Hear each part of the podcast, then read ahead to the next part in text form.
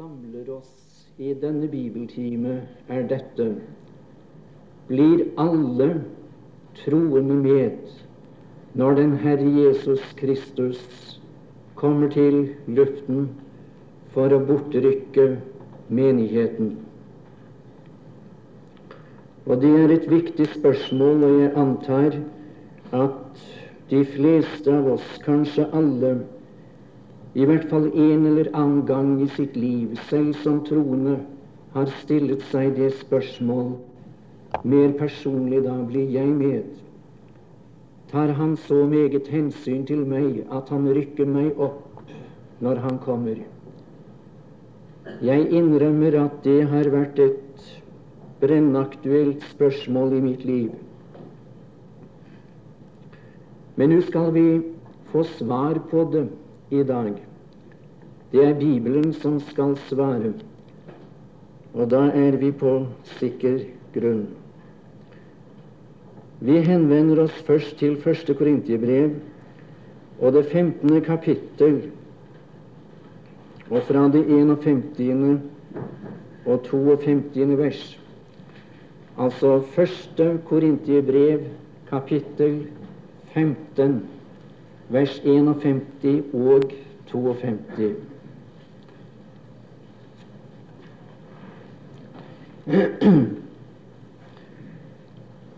Det er spesielt ett ord som jeg vil be deg legge merke til når jeg nå leser disse eh, to versene. Og du kan gjerne sette en strek under det hvis du ikke har gjort det før. Se, jeg sier eder en hemmelighet. Vi skal ikke alle hensove, men vi skal alle forvandles. Og det lille, men meget betydningsfulle ordet som jeg her vil henlede din oppmerksomhet på, er ordet 'alle'.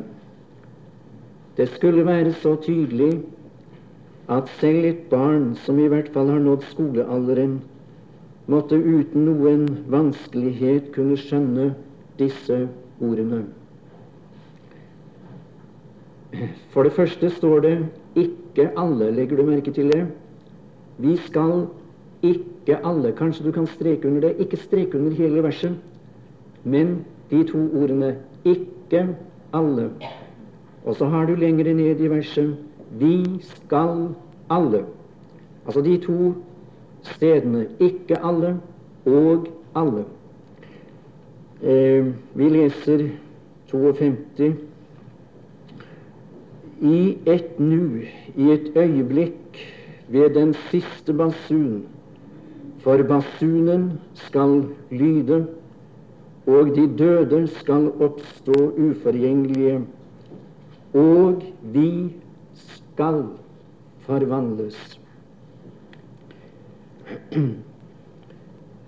Det er en lære som har blitt utbredt i den senere tid, også i de nordiske land, både i Danmark og i Sverige og i vårt land, eh, så har det vært hevdet at det vil finne sted en partiell bortrykkelse når den Herre Jesus kommer til luften.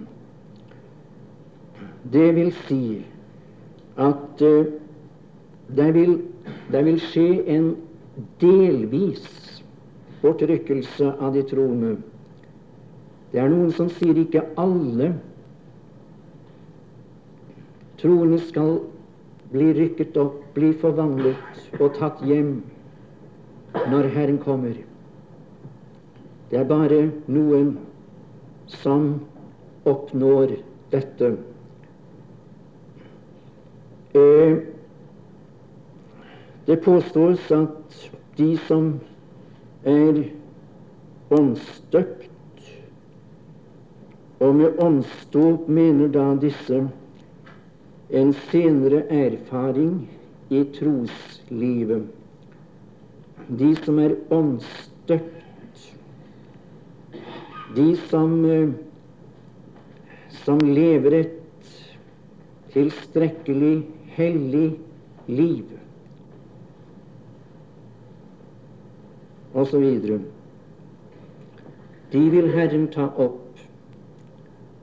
Men de mer eller mindre skal vi si sløve troende, de som ikke er i den åndelige tilstand som de bør og skal være i, de blir latt tilbake.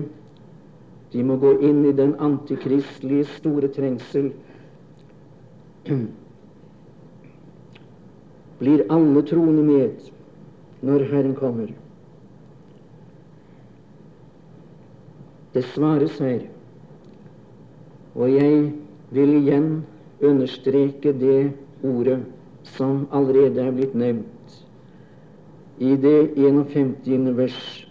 Vi skal alle forvandles. Jeg tror at det er noen i denne forsamling i formiddag som trenger å få den hilsen fra Herren. Og jeg er så lykkelig over at jeg får leve den forvissning selv at når den Herre Jesus kommer, og jeg venter ham Jeg regner med at han kan komme, som jeg sa i går aftes, hva tid som helst. Og det skal bli hellig når han kommer. Og jeg vet at da, når bortrykkelsen har funnet sted, er min plass tom. Han, han tar meg opp sammen med alle de hellige, alle de troende. Og så skal jeg peke på noen vektige grunner ut fra Skriften for at uh, bortrykkelsen vil omfatte alle de frelste. La meg for det første si det slik, og du kan skrive Det er så godt å ha noe på papiret, slik at vi kan se over det når vi kommer hjem. Det har betydd så uendelig meget for meg, i hvert fall, når jeg tenker på de bibelkurs som jeg har deltatt ved. Vi, vi kan si det slik Læren om partiell bortrykkelse delvis bortrykkelse, om du vil, er kontra læren om rettferdiggjørelse av nåde ved tro. Jeg er ikke i stand til å formulere det klarere, tror jeg. Så prøv nå å få med dette. Læren om partiell bortrykkelse er kontra Bibelens lære om rettferdiggjørelse av nåde ved tro.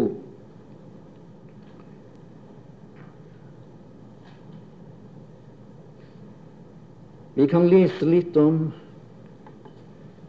om rettferdiggjørelsen. Og da må vi gå til romerbrevet. Det er romerbrevet som eh, spesielt omtaler denne sak.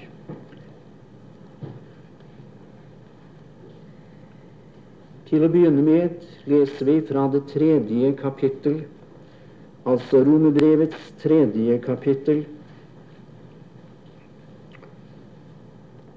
Vi kan ta med fra det 23. vers.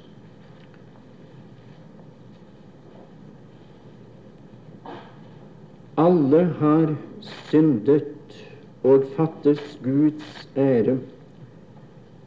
Og legg merke til det 24. vers, som sier Og de blir rettferdiggjort uforskyldt av Hans nåde ved forløsningen i Kristus Jesus, som Gud stilte til skue i Hans blod som en nådestol ved troen, for å vise sin rettferdighet, fordi Han i sin langmodighet hadde båret over med de synder som før var gjort. Og vi tar med det siste vers i kapittel 4, altså 4.25. Han som ble gitt for våre overtredelser og oppreist til vår rettferdiggjørelse. Vi kan gjerne si at romerbrevet det er som en stor rettssal. Jeg liker å se på romerbrevet slik. Kan du prøve å forestille deg en stor rettssal, og så blir du ført inn der. Og du føres inn som en skyldig, helvedfortjenende synder. Slik blir du ført inn.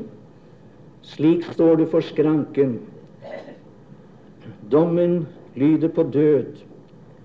Evig adskillelse fra Gud. Du er skyldig. Men eh, det er det som er det fine med det. At du kommer ut igjen fra rettssalen. Hør nå. Du kommer ut fra rettssalen rettferdiggjort. Ikke bare benådet.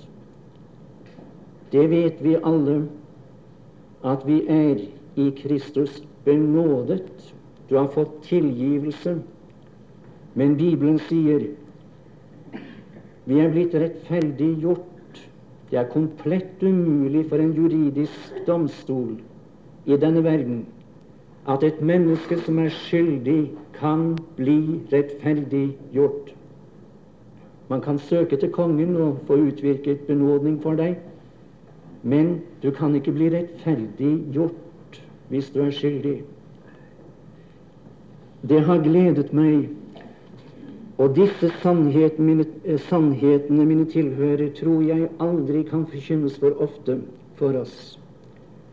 Jeg har mer og mer i mitt liv kommet tilbake til det grunnleggende, de elementære sannheter i Skriften. Og på et bibelkurs eller en bibelkonferanse så anser jeg det for å være meget nødvendig å holde disse tingene frem. For jeg vet at det er dette vi har behov for mer enn noe annet i vårt praktiske trosliv, der vi lever vårt liv som troende. Ser du, du føres inn som en skyldig synder. Du går ut igjen rettferdiggjort. Men hva er forklaringen på dette? Vi kan ikke forklare det fullt ut. Jeg har funnet bare en eneste forklaring, og det er Romerbrevet 3.25, det er blod på nådestolen.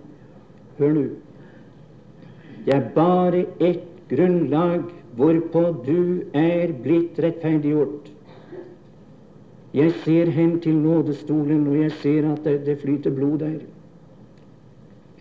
Det er dryppet, står det i Det gamle testamentet, syv ganger av forsoningens blod på nådestolen. Og det er grunnen til at da jeg en dag kom inn i Guds nærhet, så, så ble jeg rettferdiggjort. Og det å bli rettferdiggjort, hva betyr egentlig det? Det er, som jeg allerede har noe har antydet, et juridisk uttrykk. Og vil du ta med deg det? Det betyr frikjennelse. Det betyr at jeg er skyldfri, at jeg er ustraffelig. Det er det jeg er allerede. Og når jeg sier dette, da undrer jeg meg ikke over at apostelen finner grunn til å lovprise, for jeg, jeg synes det er lovprisningstonen vi finner i det femte kapittel. Han slutter i kapittel 4, vers 25 at med at Kristus er gitt hen for våre overtredelser. Og hør nå han er reist opp igjen til vår rettferdiggjørelse. Og da finner han grunn til lovprisning. Og så jubler han likesom ut. Og det har jeg lyst til å juble ut som mitt vitnesbyrd i formiddag her i denne bibeltimen. og at denne nåde ble meg til del. da vi nu altså er rettferdiggjort. Ikke skal bli rettferdiggjort, men da vi nu altså er rettferdiggjort. Det er ikke en modningsprosess, dette med rettferdiggjørelse. Er du klar over det? Det er ikke noe som skjer gradvis i den troens liv. Du er ikke på vei til å bli rettferdiggjort. Hør det, min venn. Du har behov for det. Ta det med deg. Det skjer i et øyeblikk, i et nu. Det skjer i det øyeblikk du mottar Kristus. Du er rettferdiggjort. Og jeg tror vi skal ta med ett vers til eh, i denne forbindelse, og det er fra Kolossensebrevet, det første kapittel. Kolossensebrevets første kapittel og det tolvte vers.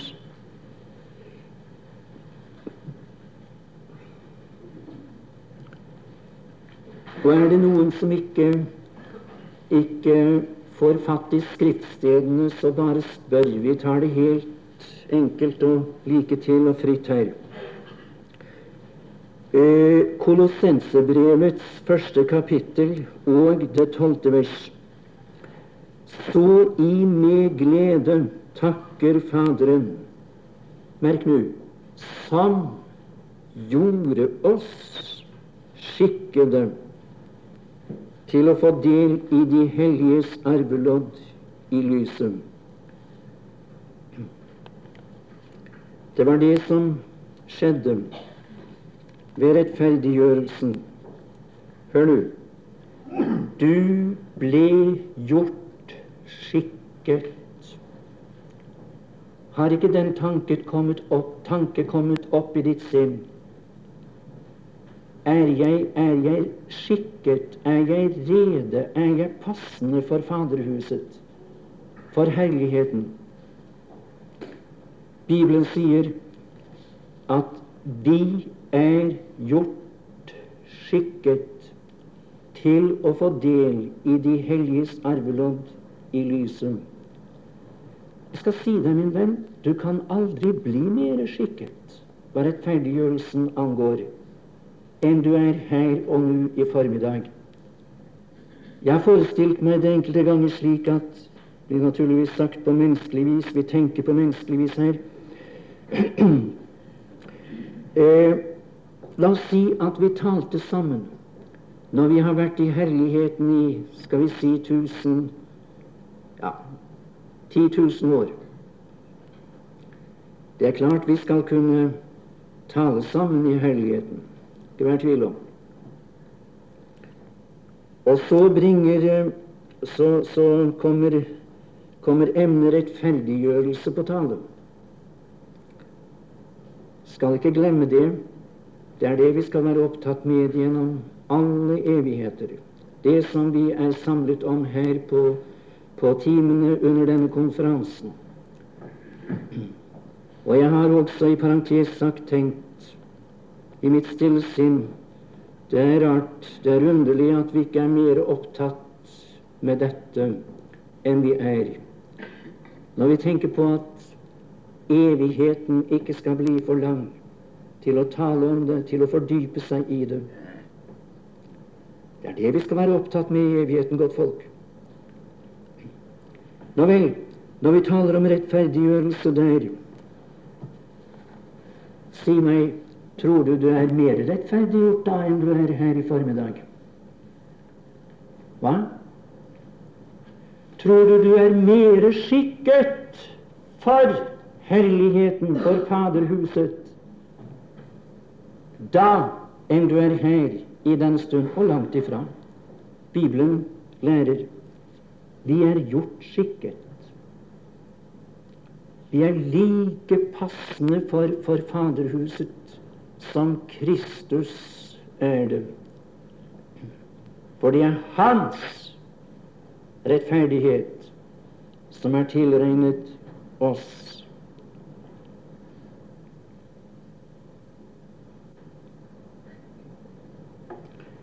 Og vi kan skrive videre. Bortrykkelsen vil omfatte alle troende, fordi alle troende er lemmer på Kristi legeme.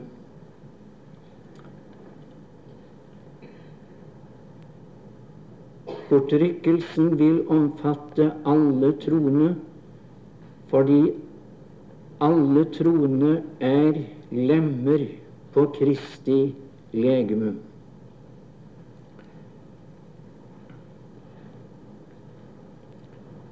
Noe som enhver eh, av oss vet, er at den Herre Jesus fikk et legeme ved inkarnasjonen. Det var det vi hørte litt om i går i eh, den første bibeltimen.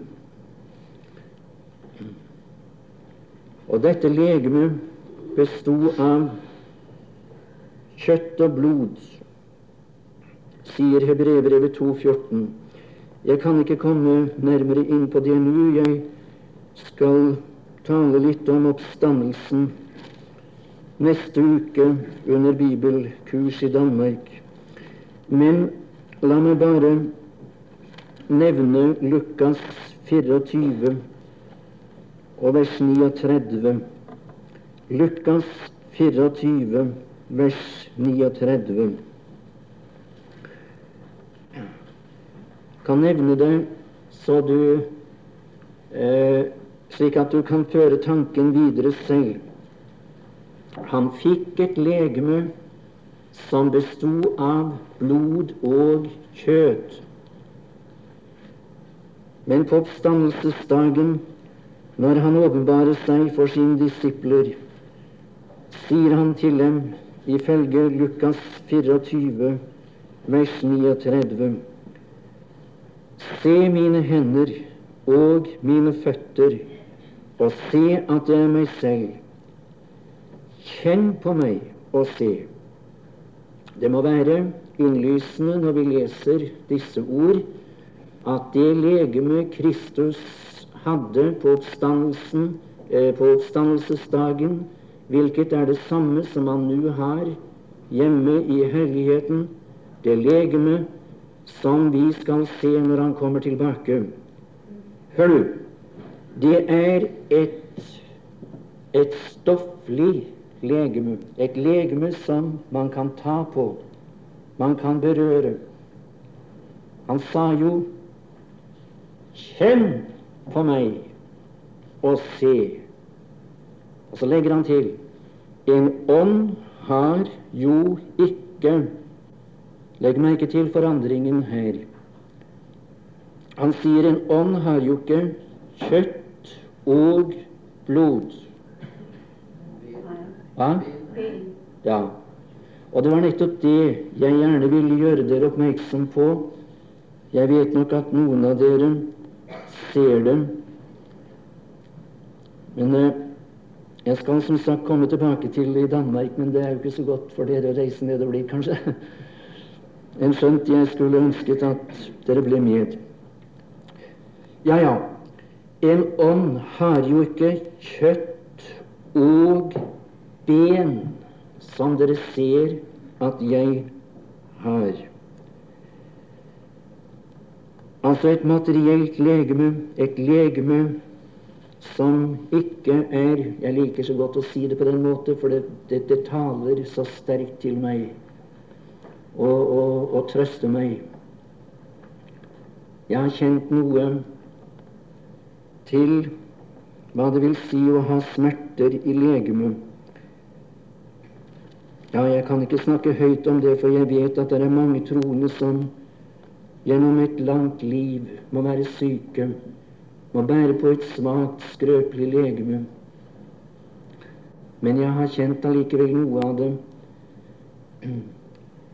Og jeg må si jeg gleder meg til å få et legeme som ikke er avhengig av blod.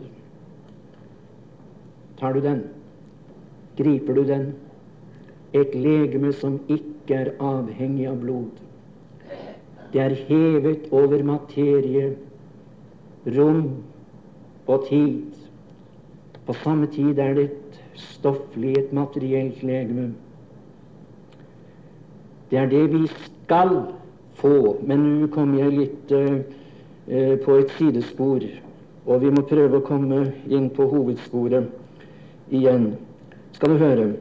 Alle vet at Kristus hadde et legeme, og at han har et legeme i, i himmelen nå.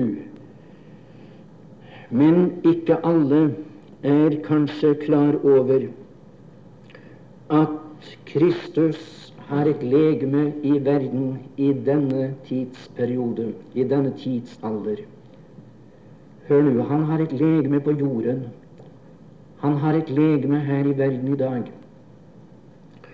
Og dette legemet Ja, det, det å være en troende er noe uendelig stort, mine tilhørere.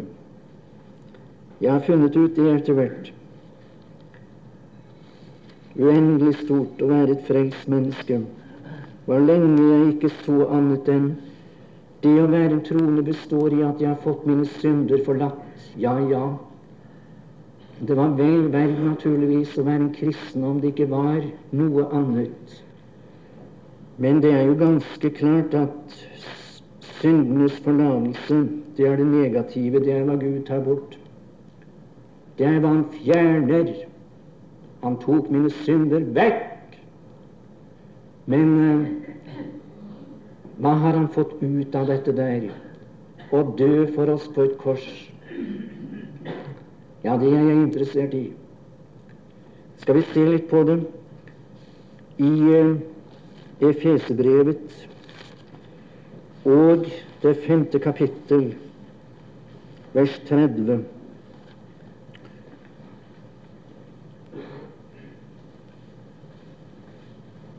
I Efesebrevets femte kapittel er, det, er uh, forholdet mellom mannen og hustruen omtalt. Det er det fineste forhold mennesker imellom som her er omtalt. Og det står som et bilde på Kristus og menigheten.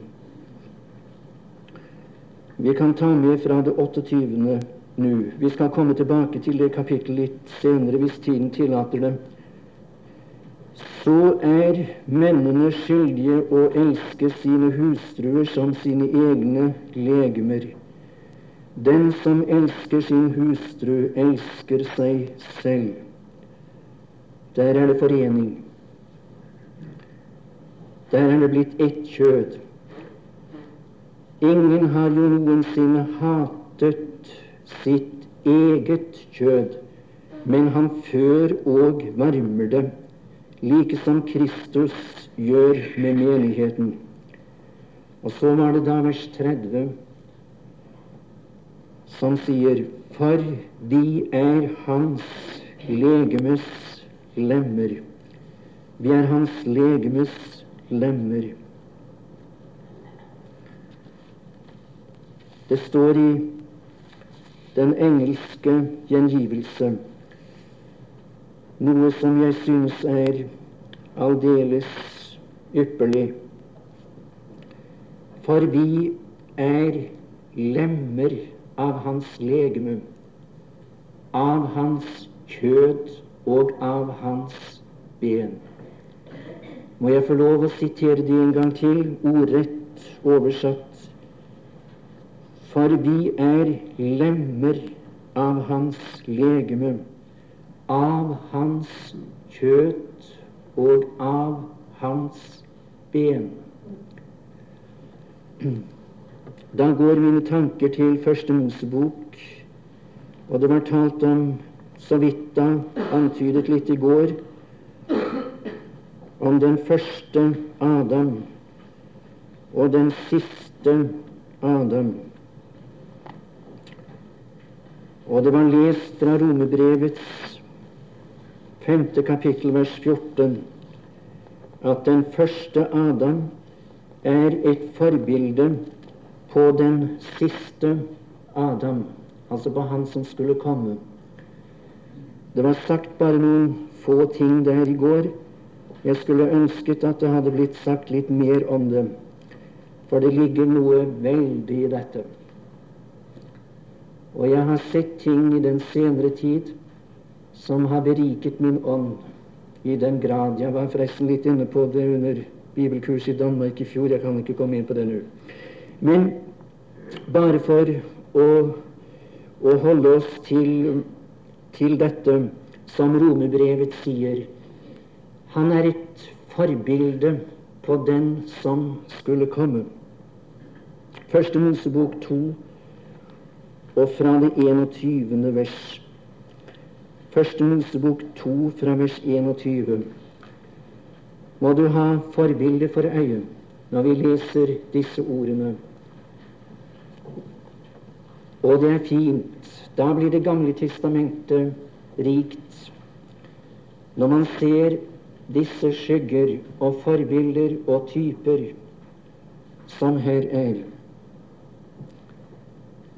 Det er faktisk mange ting som er omtalt i Det gamle testamentet som, som synes meg å være ganske absurd om jeg ikke har forbilde for øyet.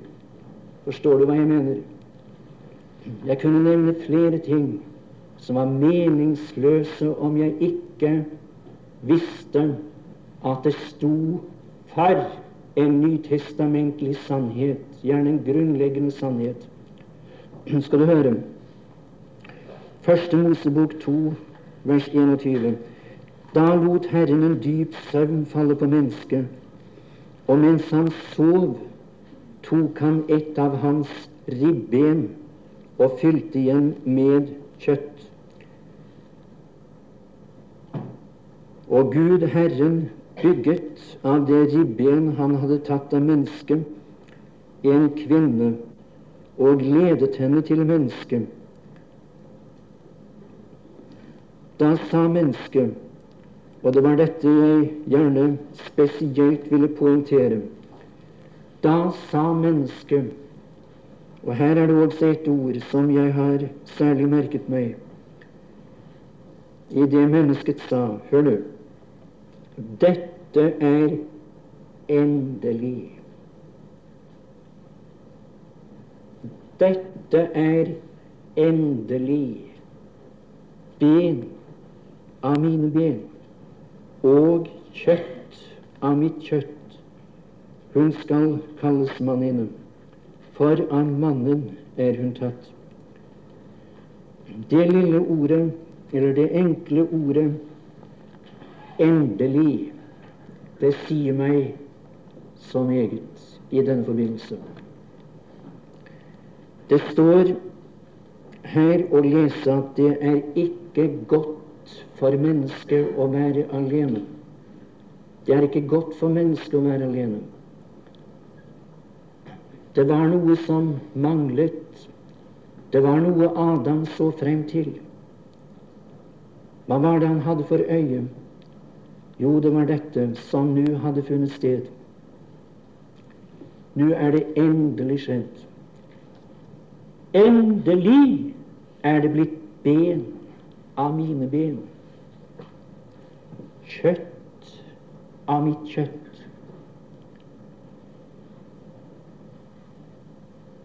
Det var en, sier Bibelen, som var alene i evigheten. Han var ganske alene der. Men det var, det var liksom at noe manglet. Han så frem til noe. Han hadde noe for øyet. Og en dag, på pinsefestens dag, etter at Kristi død og oppstandelse var en, en kjensgjerning, en, en fullbyrdet sådan, så kunne han se ned på en liten flokk. Det var 120 bare, som var samlet på salen der, på den øvre sal i Jerusalem. Og hør nå da Den hellige ånd tok bolig i disse mennesker, så var det endelig skjedd. Da kunne Kristus si endelig er det blitt ben av mine ben. Er det blitt kjøtt av mitt kjøtt?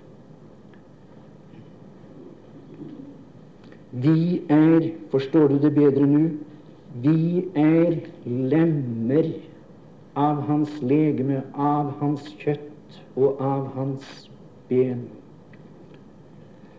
Faktum er at vi er et stykke av Kristus selv, ifølge Det nye testamentets klare lære. Vi kan bare se på første Korinterbrev og det tolvte kapittel og vers 12 og 13. Og hvis det er noen som tviler på at de er åndsdøpt her, så behøver du ikke å gå hjem med den tvil, i hvert fall. Du behøver aldri å være i tvil. Hør hva Bibelen sier. Første Korinterbrevs tolvte kapittel, tolvte og trettende vers. For like som legeme er ett og har mange lemmer, men alle legemets lemmer, om de enn er mange, dog er ett legeme. Altså, der er blitt en forening. Der er blitt en, ikke en organisasjon, men hør nå der er blitt en organisme. Der er mange lemmer, men allikevel er det ett legeme som de alle tilhører. Og hodet er i himmelen, sier Bibelen. Det er Kristus. Men det, det skal vi legge merke til her, i de siste ordene av det tolvte vers, første Korinterbrevs tolvte kapittel, vers tolv. Eh, Således er det også med menigheten.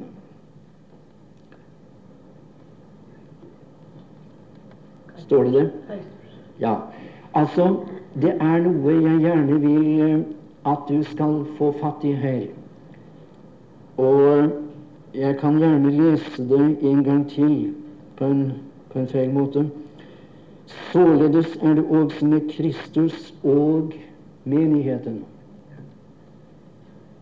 Står ikke det? Nei, det står ikke det. Jeg mener at det var i den boken 'Born Crucified' som jeg nettopp leste, uh, hvor det ble sagt Det var sitert et Luther-ord. Det kan være godt å ta med et Luther-ord også. I hvert fall når det er så godt som dette. Tror det var noe sånt at når jeg betrakter meg selv og eller Kristus og meg selv som to, da bærer det galt i vei. Får du tak i noe her? Når jeg ser på Kristus og meg selv og regner med at det er, det er to, da, da, går det galt. Og det var visst et annet sitat der også, eller var det forfatteren som uttrykte seg på denne måte Den matematiske regel sier, sier han, at én og én er to. Men i Guds regnemåte Hør nå. Er én og én én. Fint sagt. Ja, det var det jeg fikk eh, det var det jeg fikk se, og fra det øyeblikket av jeg har fått se det mine tilhører, tviler jeg ikke et øyeblikk på, Gud være takk, at når den Herre Jesus kommer til luften og rykker de frelste opp, så skal også Han som står her, få være med. Da tar han også dette lem med. Jeg er et lem på hans legeme. Og du skal se at åndsdåp kan ikke skilles fra dette med fødselen av legeme, eller dannelsen av legeme. Det står nemlig her For vi er jo alle Og jeg har, jeg har rammet inn det lille ordet 'alle' her. For vi er jo alle døpt med en ånd til å være et legeme. Enten vi er jøder eller grekere, enten vi er trailer eller frie, og vi har alle fått én ånd å drikke. Vi er lemmer på hans legeme, men da aner du at dette her er noe veldig. Men jeg hører noen av dere i dag si det er greit nok, jeg tror nok det forholder seg slik som du sier, for du leser fra Guds ord. Men eh, hvis du hadde kjent, med, kjent, mitt liv, hadde visst hvorledes jeg er, hvorledes jeg føler det, hvorledes jeg har det Det er bare Gud og jeg selv som vet det, sier du. Så kanskje du hadde talt noe mer dempet om dette der. Jeg er en så skrøpelig troende, sier du. Jeg er en så dårlig kristen, og det er det som plager meg, sier du. Ja, jeg har en hilsen til deg. Nå må dere lukke ørene, alle som, som mener at det er, så, det er så helt i orden. Det er så klappet og klart, det hele. Men er det noen som, som er iblant den kategori av de troende som jeg her nevner. Det er så skrøpelig, det er så dårlig stell i hele. Og så har den tanken tatt deg og, og, og ville tatt overhånd hos deg i dine stille stunder, kanskje i nattetimene. Nei, jeg, jeg, jeg blir ikke tatt med når han kommer. Han kan ikke bry seg om en slik en som jeg er. Skal du høre, min venn? Om du glemmer alt jeg sier i denne bibeltimen, husk endelig det 22. verset av 1. Korinterbrevs 12. kapittel. Altså 1. Korinterbrevs 12. kapittel og det 22. vers. Vi kan jo ikke tale om dette slik som vi nok kunne gjort om vi hadde hatt tid til å tatt opp emnet om menigheten. Men jeg vil gjerne gi deg det 22. vers. Men tvert imot, de lemmer på legemet som synes å være de skrøpeligste. Jeg trodde det var slik, jeg. De bryr han seg ikke om. De er han ikke interessert i. Hør du, de amputerer han, de kutter han av. Ikke noe å samle på. Men så fikk jeg øye på hva det her virkelig står.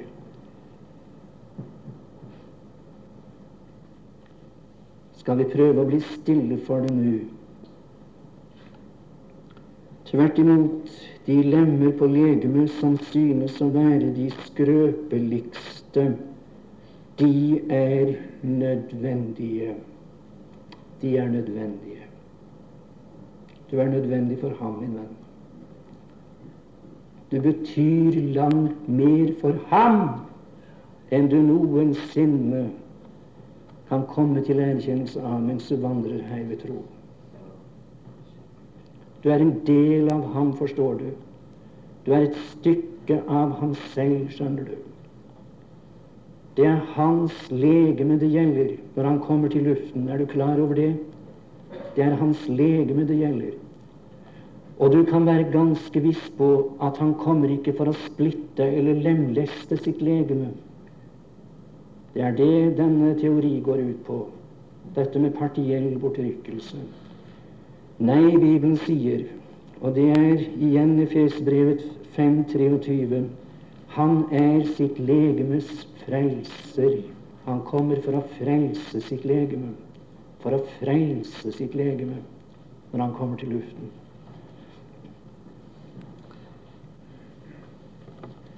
Tror du så at du skal bli tatt med?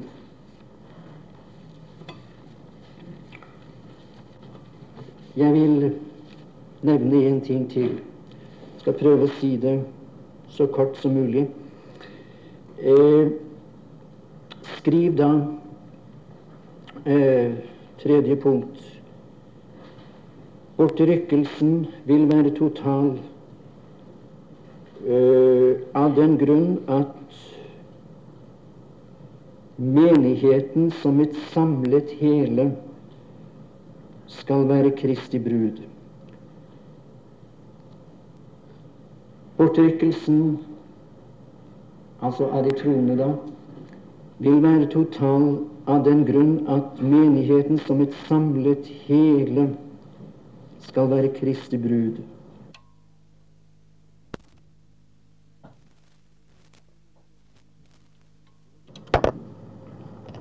Vi legger merke til når vi leser i Det nye testamentet, at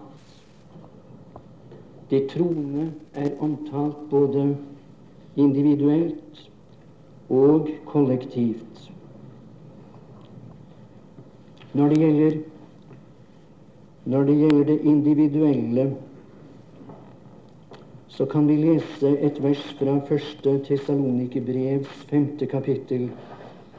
To vers, forresten. 23. og 24. vers. Men Han selv, fredens Gud, helliger helt igjennom og gi deres ånd og sjel og legeme må bevares fullkomne ulastelige ved vår Herre Jesu Kristi komme. Fullkomne, ulastelige i våre egne personer, altså. Det må bli vidunderlig.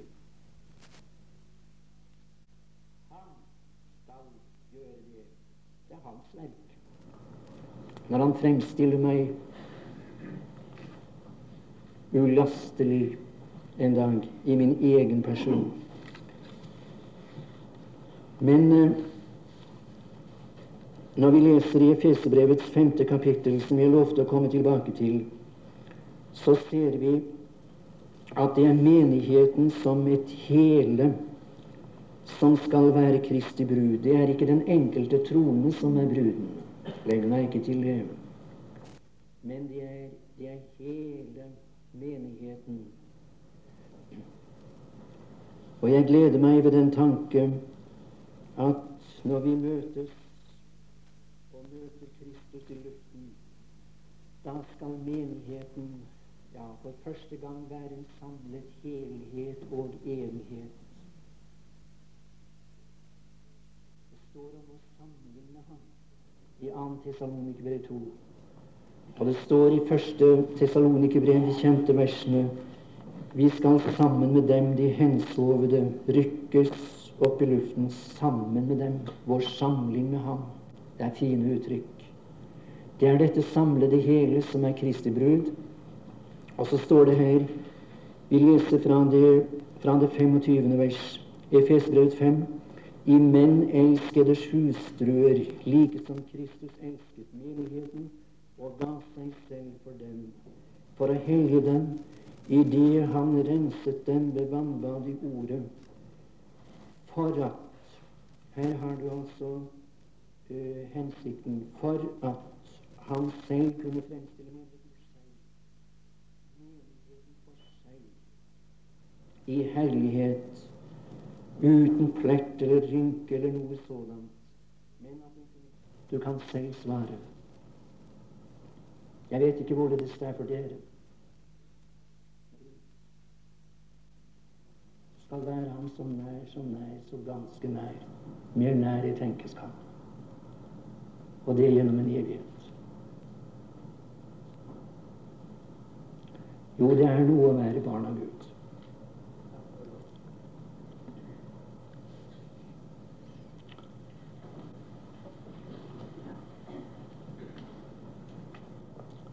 Vi prøver å være stille for deg